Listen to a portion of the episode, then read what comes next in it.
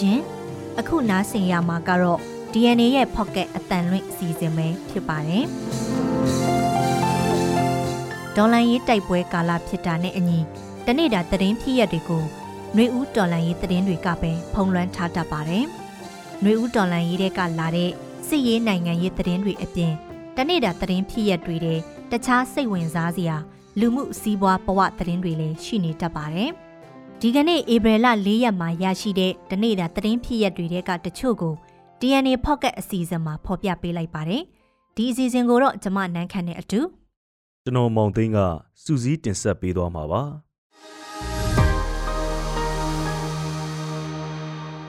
ပထမဦးဆုံးသတင်းတစ်ပုဒ်အနေနဲ့စစ်ကောင်စီကမြောက်ကိုရီးယားစီကလက်နက်ဝယ်ယူနိုင်ပွဲရှိတဲ့သတင်းကိုတင်ဆက်ပါမယ်။မြောက်ကိုရီးယားနဲ့လက်နက်ကုန်သွယ်မှုကိုကုလသမဂ္ဂကတားမြစ်ထားပေမဲ့ အာဏာသိမ်းစစ်ကောင်စီဟာမြောက်ကိုရီးယားလက်နက်တွေကိုမကြာသေးခင်ကဝယ်ယူခဲ့နိုင်ပွဲရှိတယ်လို့တောင်ကိုရီးယားနိုင်ငံအခြေစိုက် NK News ကဖော်ပြထားပါတယ်။မြန်မာနဲ့မြောက်ကိုရီးယားတို့အကြားလက်နက်ကုန်သွယ်မှုဆိုင်ရာအချက်လက်တွေပါဝင်တဲ့ကုလသမဂ္ဂပညာရှင်တွေတင်ပြမဲ့အစီရင်ခံစာတစ်ရက်ကို NK News ကဖတ်ခွင့်ရခဲ့တာလို့ဆိုပါတယ်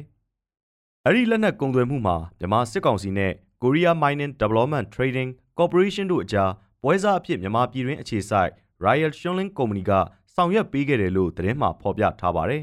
။ Korea Mining Development Trading Corporation ဟာကုလသမဂ္ဂကပိတ်ဆို့အရေးယူထားတဲ့မြောက်ကိုရီးယားစစ်တပ်ပိုင်စစ်လက်နက်ပစ္စည်းလုပ်ငန်းတစ်ခုဖြစ်ပါတယ်။မြန်မာပြည်တွင်းက Royal Shunling Company ကတော့မြန်မာစစ်တပ်အတွက်စစ်ဘက်ဆိုင်ရာပစ္စည်းတွေတင်သွင်းပေးခဲ့မှုတဲ့အစဉ်လာရှိတဲ့ကုမ္ပဏီတစ်ခုဖြစ်ပါတယ်။အာနာသိန်းစစ်ကောင်စီကမြောက်ကိုရီးယားစီကလက်နက်တွေဝယ်ယူရမှာပွဲစားလုပ်ပေးခဲ့တယ်ဆိုတဲ့အချက်နဲ့ပတ်သက်လို့ Royal Shunling Company တာဝန်ရှိသူတချို့ကိုဆက်သွယ်မေးမြန်းပေမဲ့ချက်ချင်းလက်ငင်းတုံ့ပြန်မှုမရှိဘူးလို့ NK News သတင်းမှာဖော်ပြထားပါတယ်။ပြီးခဲ့တဲ့အရက်သားအစိုးရ20မတိုင်မီနာအဖစစ်ဆိုးရခေတ်တုန်းကလည်းမြန်မာနဲ့မြောက်ကိုရီးယားတို့ဟာလက်နက်ကုန်သွယ်မှုတွေလုပ်ခဲ့ကြတယ်လို့နိုင်ငံတကာအတိုင်းဝိုင်းကယူဆခဲ့ကြသလိုအထောက်အထားတွေလည်းထွက်ပေါ်ခဲ့ပူးပါတယ်။ဆက်လက်ပြီးတော့စက်ကောင်စီရွေးကောက်ပွဲကိုစန့်ကျင်တဲ့ပါတီတွေကိုလေးစားဂုဏ်ယူကြောင်း NUG နဲ့ NUCC တို့ပြောတဲ့ဆိုတဲ့အကြောင်းကိုပြောပြပေးပါမယ်။စက်ကောင်စီရဲ့ရွေးကောက်ပွဲကော်မရှင်စီမှာမှတ်ပုံပြန်မတင်မဲတရားမဝင်ရွေးကောက်ပွဲကိုစန့်ကျင်ကြောင်းပြသခဲ့တဲ့နိုင်ငံရေးပါတီတွေရဲ့ရက်တီချက်နဲ့သဘောထားတွေကိုလေးစားဂုဏ်ယူတယ်လို့အမျိုးသားညီညွတ်ရေးအစိုးရ NUG နဲ့အမျိုးသားညီညွတ်ရေးအတိုင်ပင်ခံကောင်စီ NUCC တို့ကထုတ်ပြန်လိုက်ပါတယ်။ပါတီမှတ်ပုံပြန်မတင်တာဟာစစ်အုပ်စုကကျမဖို့စူးစမ်းနေတဲ့အတုအယောင်ရွေးကောက်ပွဲကို လက်မခံမပူးပေါင်းဘူးဆိုတဲ့အကြောင်းစိန်ခေါ်မှုတွေအခက်အခဲတွေကြားကပြသလိုက်တာဖြစ်တယ်လို့ NUG နဲ့ NUCC တို့ပူးပေါင်းပါဝင်တဲ့တရားမဝင်ရွေးကောက်ပွဲစန့်ကျင်ရေးလုပ်ငန်းကော်မတီရဲ့ကြေညာချက်မှာဖော်ပြပါတယ်။ဒီမိုကရေစီနည်းလမ်းတကျဖွဲ့စည်းဖြစ်ပေါ်လာကြတဲ့နိုင်ငံရေးပါတီတွေကိုတရားဝင်အာဏာမရှိတဲ့စစ်ကောင်စီလက်အောက်ခံကော်မရှင်ကဖျက်သိမ်းကြောင်းကြေညာတာဟာရှေ့လျှောက်တရားမဝင်ရွေးကောက်ပွဲတွေလုပ်ပြီးအာဏာရှင်စနစ်တည်မြဲစေဖို့ဖြစ်တယ်လို့လည်းဝေဖန်ထားပါတယ်။ အာဏာသိမ်းစစ်ကောင်စီဟာနိုင်ငံရေးပါတီမှတ်ပုံတင်ဥပဒေကိုပြင်ဆင်ပြဋ္ဌာန်းခဲ့ပြီးအဲ့ဒီဥပဒေအရမှတ်ပုံပြန်မတင်တဲ့ပါတီတွေအလိုအလျောက်ပြက်ပြက်ပြီးဖြစ်တယ်လို့ထည့်သွင်းပြဋ္ဌာန်းထားပါတယ်။ NLD ပါတီနဲ့2020ရွေးကောက်ပွဲအနိုင်ရပါတီ9ခုအပါအဝင်နိုင်ငံရေးပါတီ40ကအမတ်ပုံပြန်မတင်ခဲ့တာကြောင့်အဲ့ဒီပါတီတွေကိုဖျက်သိမ်းတယ်လို့စစ်ကောင်စီရဲ့ရွေးကောက်ပွဲကော်မရှင်ကမတ်လ28ရက်မှာကြေညာခဲ့ပါတယ်။ဖျက်သိမ်းခံရတဲ့ပါတီတွေထဲမှာတော့ပါတီအသစ်တီထောင်လိုက်တာ ပါတီချင်းပူးပေါင်းလိုက်တာတွေကြောင့်ဖျက်သိမ်းခံရတဲ့ပါတီတွေပါဝင်သလိုနိုင်ငံရေးရည်တည်ချက်နဲ့လက်ရှိအခြေအနေတွေအရမတ်ပုံပြန်မတင်ဖို့ဆုံးဖြတ်တဲ့ပါတီတွေလည်းပါဝင်ပါတယ်။နောက်ထပ်သတင်းတစ်ပုဒ်အနေနဲ့ကိုကိုကျွန်းမှာတရုတ်တချို့စခန်းရှိနိုင်တယ်လို့အိန္ဒိယတန်ရတိုးလာစေတဲ့သတင်းကိုတင်ဆက်ပါမယ်။အခုရက်ပိုင်းတွင်ထွက်ပေါ်လာတဲ့ဂျိုရုတပ်ပုံအထောက်အထားတွေအရမြန်မာနိုင်ငံပိုင်ကိုကိုကျွန်းမှာတရုတ်ရဲ့စစ်ဘက်ဆိုင်ရာတရှိုးအခြေစိုက်စခန်းရှိနေကြောင်းအိန္ဒိယအနေနဲ့တန်တရားတိုးလာစေတယ်လို့ အိန္ဒိယတူဒေးသတင်းဌာနကဖော်ပြပါဗျ။ဂျိုရုတပ်ပုံမှတ်တမ်းတွေအရကိုကိုကျွန်းကစစ်အခြေစိုက်စခန်းမှာစစ်ရေးအခြေခံအဆောက်အုံတွေအစစ်မြင့်တင်နေတာကိုအတည်ပြုနိုင်ပြီးအဲ့ဒီမှာတရုတ်ကမဟာဗျူဟာမြောက်လှုပ်ရှားမှုတွေရှိနေတဲ့ဆိုတဲ့တန်တရားတိုးလာစေတာလို့ဆိုပါတယ်။အာရှဒေသတွင်အားပြိုင်နေကြတဲ့အင်အားကြီးနှစ်နိုင်ငံဖြစ်တဲ့တရုတ်နဲ့အိန္ဒိယတို့ဟာပထဝီနိုင်ငံရေးနယ်ပယ်တွေမှာအားပြိုင်နေကြသလိုအိန္ဒိယသမုဒ္ဒရာထဲဩဇာချဲ့ထွင်နိုင်မှုကိုလည်းအပြိုင်ဆိုင်စောင့်ကြည့်နေကြတာပါ။ ရန်ကုန်တိုင်းအတွင်းကမြို့နယ်တစ်ခုဖြစ်သတ်မှတ်ထားတဲ့ကိုကိုကျွန်းကိုပြည်တွင်းမှာတော့စစ်တပ်ကအဓိကလွှမ်းမိုးထားတဲ့ကျွန်းစုတစ်ခုဖြစ်လူသိများပြီးလွန်ခဲ့တဲ့ဆယ်စုနှစ်ကာလတချို့မှာတော့နိုင်ငံရေးအကျဉ်းသားတွေကိုဖမ်းဆီးအကျဉ်းချထိန်းသိမ်းရာနေရာတစ်ခုဖြစ်ခဲ့ပါတယ်။စစ်စစ်အခြေဆိုင်စခန်းတစ်ခုလည်းရှိတဲ့လက်ရှိကိုကိုကျွန်းမှာလေရင်ပြေးလန်းတဲ့အဆောက်အုံတစ်တွေလာပိုင်းအတွင်းတိုးချဲ့ဆောက်လုပ်ထားကြောင်းဂျိုရုတပ်ပုံတွေကဖော်ပြနေပြီးတရုတ်စစ်သားတွေလာရောက်အခြေချနေတယ်လို့လည်းအတိမပြုတ်နိုင်သေးတဲ့သတင်းတွေကထွက်ပေါ်နေပါတယ်။ စစ်တပ်လက်ကထွက်ပြေးလွတ်မြောက်လာတဲ့တပရင်တေတာခန်နရွက်ဖြတ်ခံထားရတဲ့ဆိုတဲ့အကြောင်းကိုဆက်လက်ပြောပြပေးပါမယ်။သကိုင်းတိုင်းတပရင်မြို့နယ်တွေကကြီးရွာတွေမှာစစ်ကြောင်းလှည့်ထိုးနေတဲ့စစ်ကောင်စီတပ်လက်ထက်ကထွက်ပြေးလွတ်မြောက်လာသူတဦးဟာရိုက်နဲ့နှိပ်စက်ခံထားရတဲ့ဒဏ်ရာတွေအပြင်နရွက်တစ်ဖက်လည်းအဖြတ်ခံထားရတယ်လို့တပရင်ညီနောင်များအဖွဲ့ကပြောပါတယ်။စစ်ကောင်စီတပ်ဟာတပရင်မြို့နယ်အနောက်ချမ်းကိုမတ်လ30ရက်ကစလို့ဝင်ရောက်စစ်ကြောင်းထိုးနေတာဖြစ်ပြီး ဒီကနေ့အထိရွာ၃ရွာကနေအိမ်တွေကိုမိရှို့ဖျက်ဆီးခဲ့ပြီးပြီလို့သိရပါဗျ။အင်အားရာကနန်းလောက်ပါတဲ့အဲ့ဒီစစ်ကြောင်းဟာမကြီးစောက်ကျေးရွာကလူလက်ပိုင်းအမျိုးသားတအုပ်ကိုဖမ်းမိခဲ့ရာကရိုက်နှက်နှိပ်စက်မှုတွေလုပ်ထားသလိုနားတစ်ဖက်ပါဖြတ်တောက်ခံထားရတယ်လို့ဆိုပါတယ်။ဒါအပြင်တပရင်မြို့အနီးမှာလည်းဘဲသူဘဲဝါဆိုတာအတီမပြုတ်နိုင်သေးတဲ့အမျိုးသားအလောင်းတလောင်းတွေ့ထားရပြီးတော့အဲ့ဒီအလောင်းဟာစစ်ကောင်စီကတပ်ဖြတ်ခဲ့တာလို့ဒေတာခန်တွေကဆိုကြပါတယ်။ ဒဏ်ရာတွေနဲ့ထွက်ပြေးလွတ်မြောက်လာတဲ့အမျိုးသားကိုတော့လက်ရှိမှာတေရခံတွေကစေကုသပေးနေကြပြီးဘလို့လွတ်မြောက်လာတဲ့စစ်ကောင်စီတပ်ကဘလို့ညှဉ်းပန်းနှိပ်စက်ပြီးစစ်ဆေးတယ်ဆိုတဲ့အသေးစိတ်အခြေအနေကိုတော့မသိရသေးပါဘူးနောက်ဆုံးသတင်းတစ်ပုဒ်အနေနဲ့ Facebook ဆယ်လီ DJ Violet ဖန်ဆီးခံရတဲ့သတင်းကိုတင်ဆက်ပါမယ်။တပ်သားတွေကနေ DJ တီးခတ်သူဖြစ်လာသူတရုတ်ဆောင်နေမျိုးအောင်ရဲ့ချွေးမစတဲ့နောက်ခံအကြောင်းအရာတွေနဲ့ DJ Violet လို့လက်ရှိအမည်ရတဲ့အမျိုးသမီးဟာ Facebook လူမှုကွန်ရက်မှာ လူသိများသူတူဖြစ်ပါတယ်။ DJ Violet ခေါ်မတ်ထွေးမွန်ကိုမြကြီးနားမြို့မှာလုပ်ခဲ့တဲ့ဖြိုပြပွဲတစ်ခုကအပြန်မြကြီးနားလေစိတ်မှာဖမ်းဆီးလိုက်တယ်လို့စစ်ကောင်စီထောက်ခံတဲ့လူမှုကွန်ရက် channel တွေမှာဖော်ပြနေကြပြီးအခုအချိန်ထိသတင်းတွေမှာတော့မိသားစုဘက်ကအတီးပြုတ်ထားတာမတွေ့ရသေးပါဘူး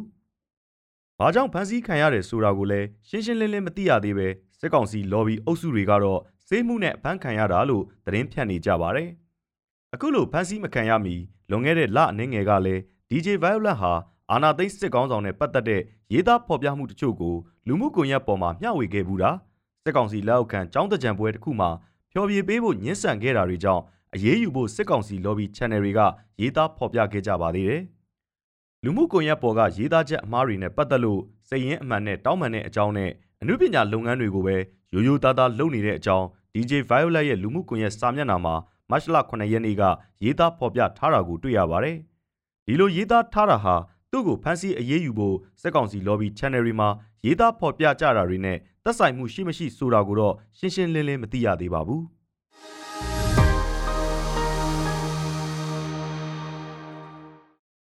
အခုဆက်လက်ပြီးလိန်ပိုင်းဆိုင်ရာအကြမ်းဖက်ခံရမှုနဲ့ပတ်သက်တဲ့ဆောင်ရန်ရှောင်ရန်ဒီအကြောင်းကိုတင်ဆက်ပေးထားပါတယ်။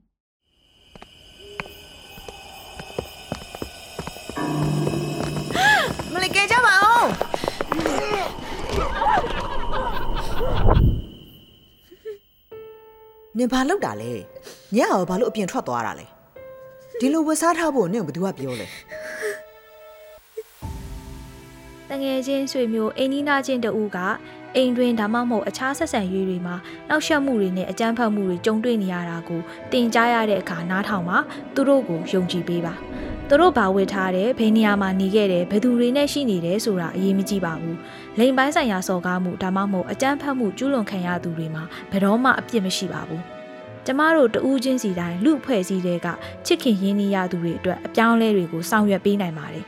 ရှင်တန်ကြံရည်သူတူကသူကြုံတွေ့ခဲ့ရတဲ့အကြမ်းဖက်ခံရတဲ့အကြောင်းကိုပြောပြတယ်ဆိုတာအကြမ်းဖက်တန်တရားကနေရုံထွက်ဖို့ပထမဆုံးခြေလှမ်းဖြစ်ပါတယ်။ဒီအကြောင်းအရာတွေကိုထုတ်ဖော်ပြောပြနိုင်ဖို့လုံခြုံစိတ်ချရတဲ့ရန်ဝန်တစ်ခုဖန်တီးပေးပြီးတော့ကုညီဆောင်ရွက်ပေးနိုင်ပါတယ်။ကျူးလွန်ခံရတဲ့သူပေါ်အပြစ်တင်ခြင်းလိန်ပိုင်းဆိုင်ရာအကြမ်းဖက်မှုထိပါနောက်ဆက်ခံရမှုတွေမှာကျူးလွန်ခံရတဲ့သူသားအပြစ်ရှိတယ်ဆိုတာတွေကိုစန့်ကျင်တွန်းလှန်ပြရပါမယ်။လူတိုင်းမှာအကြမ်းဖက်ခံရခြင်းကကင်းဝေးတဲ့ဘဝကိုထူထောင်ပိုင်ခွင့်ရှိပါတယ်။ တင့်မိတ်ဆွေတွေချစ်ခင်ရသူတွေအနေနဲ့လိန်ပိုင်းဆိုင်ရာနဲ့ကြားမရေးရအခြေပြုအကြမ်းဖက်မှုတွေကိုကြုံတွေ့ရတဲ့အခါဘယ်လိုတုံ့ပြန်ရမလဲဆိုတာကိုလေ့လာသိရှိထားရပါမယ်။ကမ္ဘာလူသားတိုင်းဘေးကင်းစီကိုလက်တွဲလှုပ်ဆောင်ကြပါစို့။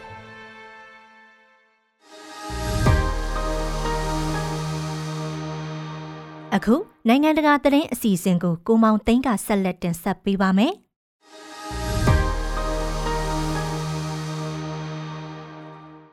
တရားစွဲဆိုမှုကိုခုခံဖြေရှင်းဖို့အတွက်အမေရိကန်သမ္မတဟောင်းဒေါ်နယ်ထရန့်ဟာနယူးယောက်မြို့ကိုရောက်ရှိနေကြောင်းသိရပါဗျ။ဖလော်ရီဒါပြည်နယ်ကနေကိုပိုင်လေယာဉ်နဲ့ခီးနှင်လာတဲ့ထရန့်ဟာနယူးယောက်မှာရှိတဲ့ Trump မျော်စင်အဆောက်အုံကြီးစီဧပြီ3ရက်ညပိုင်းကရောက်ရှိလာပါတယ်။အဲ့ဒီမှာညအိပ်ပြီးနောက်တစ်နေ့မှာသူဟာဆွဲချက်အတွက်တရားရုံးမှာခုခံလျှောက်လဲမှာဖြစ်ပါတယ်။အသက်86နှစ်အရွယ်ဘီလီယံနာတထေးကြီးဟာညဉ့်ညမ်းရုပ်ရှင်တရုတ်ဆောင်ဟောင်း Shramiel Daniel ကိုနှုတ်ပိတ်ခပေးခဲ့တဲ့ကိစ္စနဲ့ပတ်သက်ပြီး ဆွဲချက်တင်ခံထားရတာပါ။သူ့ပေါ်တင်ရှိတဲ့ဆွဲချက်ကိုပထမဆုံးကြားနာမှုမှာအပြည့်စုံဖတ်ကြားပြမှာဖြစ်ပြီး Trump ကတော့သူ့အနေနဲ့ဘာအမှားမှကျူးလွန်မထားဘူးလို့ယတိပြတ်ပြောကြားထားပါတယ်။သူဟာအမေရိကန်သမ္မတဖြစ်ခဲ့ဘူးသူတွေထဲမှာရာဇဝတ်ကြောင်းဆွဲချက်တစ်ခုအတွက်ပထမဆုံးချိန်အမှုရင်ဆိုင်ရသူဖြစ်လာမှာပါ။ Republican Party ကိုစားပြုနိုင်ငံရေးသမားတဦးဖြစ်တဲ့ Trump ကသူ့ကိုတရားစွဲဆိုတာဟာအတိုက်ခံတွေကနိုင်ငံရေးအရာလောက်ကျန်ထိုးနှက်တာသာဖြစ်တယ်လို့ သူ့ကိုယ်ပိုင်လူမှုကွန်ရက်ဖြစ်တဲ့ Truth မှာရေးသားထားခဲ့ပါတယ်။ Trump ဟာအမေရိကန်အလံရဲ့အယောင်တွေဖြစ်တဲ့အနီအဖြူနဲ့အပြာတော့ရောဆက်ချဲတာထားပြီး Trump ဆိုတဲ့စာတန်းကြီးထင်ထင်ရှားရှားရေးသားထားတဲ့လေရင်ကြီးကို၄နာရီကြာစီးနှင်ပြီးနယူးယောက်ကိုဆိုက်ရောက်လာတာဖြစ်ပါတယ်။သူဟာလုံခြုံရေးရင်တန်းခြံရံပြီး Trump မျော်စင်အဆောက်အုံစီရောက်လာခဲ့တဲ့နောက်မီဒီယာတွေလာရောက်နှုတ်ဆက်သူတွေစန့်ကျင်ဆန္ဒပြသူတွေကိုလက်ဝှေ့ရမ်းပြပြီးတကားကနေဝင်ရောက်ပျောက်ကွယ်သွားပါတယ်။ သူ့ရဲ့ခီးစဉ်အတော်အတွင်းအဆောက်အုံတစ်ဝိုက်မှာလုံခြုံရေးတင်းကျပ်ထားမယ်လို့လည်းသိရပါတယ်။လက်ရစွန်းနိုင်ငံရေးသမားတဦးဖြစ်တဲ့ Trump ဟာအစွန်းရောက်အားပေးထောက်ခံသူတွေရှိနေတာကြောင့်လည်းအတော်လေးနာမည်ဆိုးထွက်ခဲ့သူပါ။သူ့ကိုအားပေးထောက်ခံသူတွေကအမေရိကန်လွှတ်တော်ကိုဝင်ရောက်စီးနင်းခဲ့တဲ့လုပ်ရက်ဟာနိုင်ငံရဲ့ဒီမိုကရေစီပုံရိပ်ကိုစိုးစိုးရွားရွားအကြီးတန်းစေခဲ့မှုပါတယ်။ Trump ရောက်ရှိနေချိန်အတော်အတွင်းသူ့ကိုထောက်ခံသူတွေကနယူးယောက်မှာလည်းပြဿနာရှာကြအောင်မလားဆိုတဲ့စိုးရိမ်တကြီးမေးခွန်းထုတ်မှုတွေရှိနေပေမဲ့ နယူးယောက်မြို့တော်ဝန် Eris Adam ကတော့မြို့ရဲ့ရဲတပ်ဖွဲ့ဟာဘလို့အခြေအနေမျိုးအတွက်မဆိုတောင်းဝင်ယူကင်တွယ်နိုင်တယ်ဆိုတာအပြည့်အဝယုံကြည်ကြောင်းပြောကြားထားပါတယ်။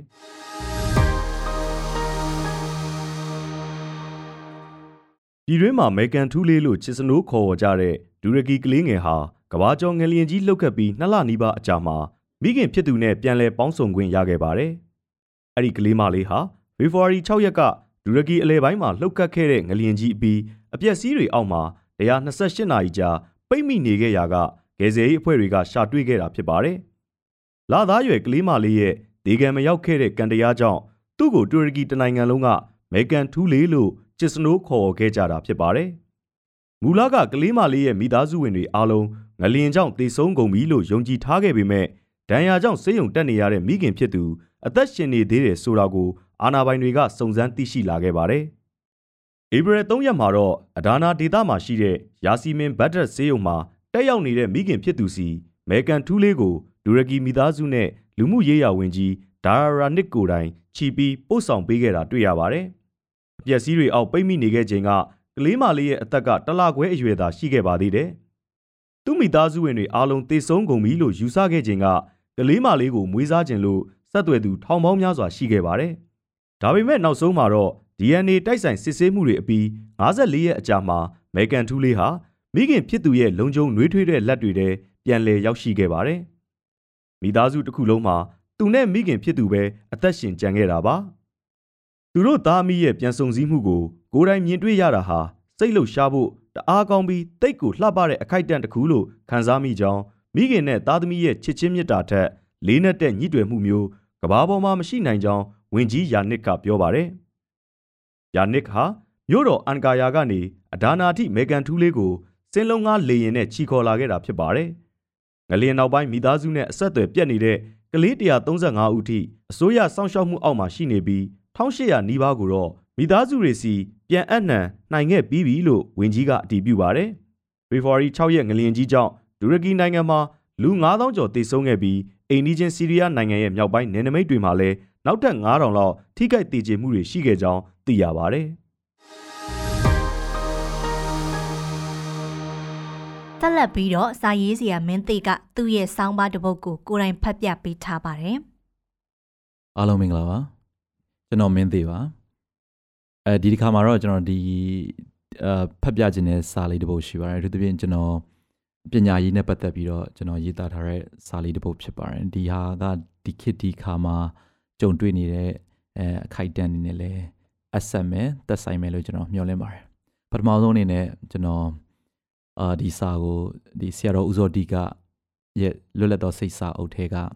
အဲဒီကောင်းနှုတ်ချက်လေးတစ်ခုနဲ့စချင်ပါတယ်ဆရာတော်ကအဲ့ဒီစာအုပ်ထဲမှာအာပညာရေးနဲ့ပတ်သက်ပြီးရေးသားထားတာရှိပါတယ်ကိုယ်ပညာရေးကိုသူများပုံစံထုတ်ပေးတာလောက်နဲ့ကျင့်တတ်တဲ့သူဟာ ကိုယ့်ဘဝကိုသူတို့လက်ထဲအနံထားလိုက်တာနဲ့အတူတူပဲတဲ့ဒီနေ့ဒီအချိန်ခါမှာပညာကိုရတတ်သမျှနေရာကနေကြုံယုံပြီးသင်ကြပါရတဲ့နေရာကရသလိုတကယ့်ပညာကိုရအောင်သင်ကြပါဒီအချိန်မှာပညာသင်တာကိုစင်ကြီးစင်လက်အမျိုးမျိုးပြပြီးဝိတ်နေဝိုက်နေရင်တစ်ချိန်မှာနောင်တကောင်းကောင်းရလိမ့်မယ်ပ ညာသင်ယူရေးဟာဘယ်ခေတ်ဘယ်အချိန်ခါမဆိုလိုအပ်တယ်အရေးတကြီးလိုအပ်တယ်လူမှုသိပ္ပံပညာရှင်တော့ဖလာရေးခဲ့တဲ့စာလေးအမှတ်ရတယ်တကယ်တော့ကဘာကြီးကိုပြောင်းတာကွန်မြူနစ်လည်းမဟုတ်ဘူးအရင်ရှင်လည်းမဟုတ်ဘူးပညာတတ်တွေပဲတဲ့တကယ့်ခေတ်ကိုပြောင်းတာပညာတတ်တွေဆိုတာကဘာယဉ်ကျေးမှုသမိုင်းစဉ်ကြီးကိုလေ့လာကြည့်တဲ့အခါအထင်ရှားတွေ့ရပါတယ် ကဘာကြီးယခုဒီလိုအခြေအနေမျိုးထိရုပ်ပိုင်းဆိုင်ရာတိုးတက်မှုကိုရောက်လာတာ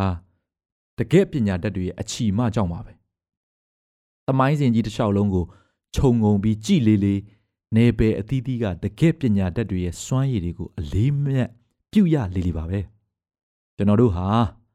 အကြက်တဲကာလာကြားတဲမှာပညာကိုရအောင်ချစ်ကုတ်သင်ကြရမယ်ကျွန်တော်တို့ဟာအခက်ခဲကာလတွေထဲမှာတင်ပညာကိုရတတ်သမျှ ကြိုးကြိုးကုတ်ကုတ်သင်ကြားကြရမယ်တခါတရံဘယ်အရာရဲ့သင်ကြားပြသမှုမှမခံရဘူးဆိုရင်မိမိဘာသာလေးလာရေးကိုစင်စက်မပြတ်လုပ်နေကြရမယ်အထူးသဖြင့်စာအုပ်စာပေတွေကနေကိုယ်တိုင်ရှာပညာကိုစနစ်တကျတိဆောက်လို့ရတယ်မိမိပညာရေးကိုမိမိကိုယ်တိုင်ဖြည့်တင်းတိဆောက်မှပညာကိုယ်ကံအားမြင့်မယ်ပညာကိုယ်ကံအားဟာတကယ့်ကြိုးဝိုင်းထဲမှာ ကိုယ့်ရဲ့ကိုယ်စွမ်းကိုယ်စားတွေကိုဒေါင်းဒေါင်းပြီးပြတ်တပါလိမ့်မယ်ဒါဟာဘဝတိုးတက်ကြီးပွားရေးအတွက်အခရာပဲဖြစ်စဉ်ကြီးတစ်ခုလုံးကိုမြင်အောင်ကြည့်ပြီးရတဲ့နေရာကစူးစမ်းလှုပ်ဆောင်နေဖို့လိုတယ်အရှိတရားကိုမြင်အောင်ကြည့်ပြီးပြစ္ဆုတ်ပံနဲ့အတိတ်ကိုချိတ်ဆက်ပြီးလှုပ်တင်လှုပ်ထိုက်တာကိုလုံနေဖို့လိုတယ်အဲ့ဒီလှုပ်တင်လှုပ်ထိုက်တာတွေထဲမှာကိုပညာကိုကိုနီးကိုဟန်နဲ့စနစ်တကျစူးစမ်း ဖြည့်တင်းနေဖို့ကအရေးကြီးတာပဲပညာမတက်ရင်စေတနာရှိလဲဘာမှစွမ်းဆောင်နိုင်မှာမဟုတ်ဘူးပညာမဲ့လူယိုးကြီးတွေနဲ့တိုးတက်ဖွံ့ဖြိုးရေးကိုမလုပ်နိုင်ဘူးပညာတတ်လူမိုက်တွေနဲ့လည်းရှစ်ဆက်လို့မရပါဘူးပညာရှိလူကောင်းတွေနဲ့မှတိုင်းပြည်နဲ့လူအဖွဲ့အစည်းကိုချီမနိုင်ပါလိမ့်မယ်တိုင်းပြည်ကိုကယ်မဲ့သူကုမဲ့သူကိုနှိုက်ကတက်တိနားလဲထားဖို့လိုတယ်စေတနာလည်းမယုတ်ရော့ဖို့လိုတယ် ရေနစ်နေတဲ့သူကိုကယ်ဖို့အတွက်ကိုယ်တိုင်ရေကူးတက်ဖို့လိုတယ်မဟုတ်လားဒီတော့မိမိပညာရေးမိမိဘာသာပြတ်ထန်းနေခြင်းကတကယ့်မင်္ဂလာလို့ပြောမယ်ကျွန်တော်စေကျော်သက်ဘဝမှာလွှမ်းမိုးခဲ့တဲ့ပညာရေးအပေါ်မှာထားတဲ့တသနာလေးတစ်ခုကိုပြောပြခြင်းပါတယ်ဒီတသနာကိုဆရာတော်ဦးစောတိကရဲ့လွတ်လပ်သောစိတ်စာအုပ်စာမျက်နှာ201မှာတွေ့တာပါကိုပညာရေးကိုသူများဘောင်ခတ်ပေးထားတာလောက်နဲ့ကျင့်တတ်နိုင်တာဟာကိုကိုကိုကိုလေးစားမှုမရှိတဲ့သူတွေရဲ့ အလုပ်ပဲတဲ့ကိုပညာရေးကိုကိုဖန်တီးနိုင်တဲ့သူမှသာလွတ်လပ်တဲ့သူဖြစ်နိုင်မယ်ကိုပညာရေးကိုသူများပုံစံထုတ်ပေးတာလောက်နဲ့ကျင့်တတ်တဲ့သူဟာကိုဘဝကိုသူတို့လက်ထဲအနံထားလိုက်တာ ਨੇ အတူတူပဲတဲ့သိကောင်းလိုက်တာသိကောင်းလိုက်တာ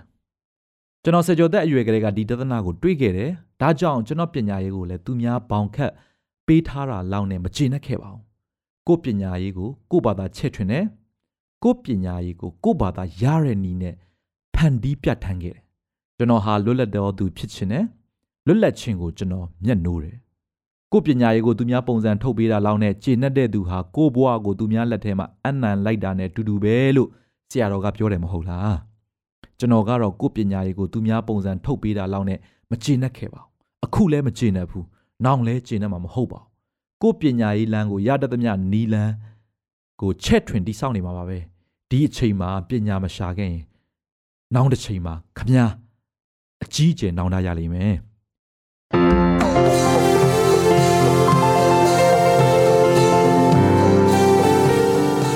ဒီအနေရဲ့ pocket အတန်လွင့်အစီအစဉ်ကိုအပတ်စဉ်တနင်္လာနေ့ကနေတောက်ကြနေ့အထိညနေ9:00နာရီတိုင်းမှာတင်ဆက်ပေးသွားမှာပဲဖြစ်ပါတယ်။ဒီအစီအစဉ်ကိုတော့ DNA ရဲ့ Facebook page ကနေအပြင်အန်က Spotify နဲ့ Google Pocket တို့တွေကနေတဆင့်လဲနားဆင်နိုင်ပါတယ်ရှင်။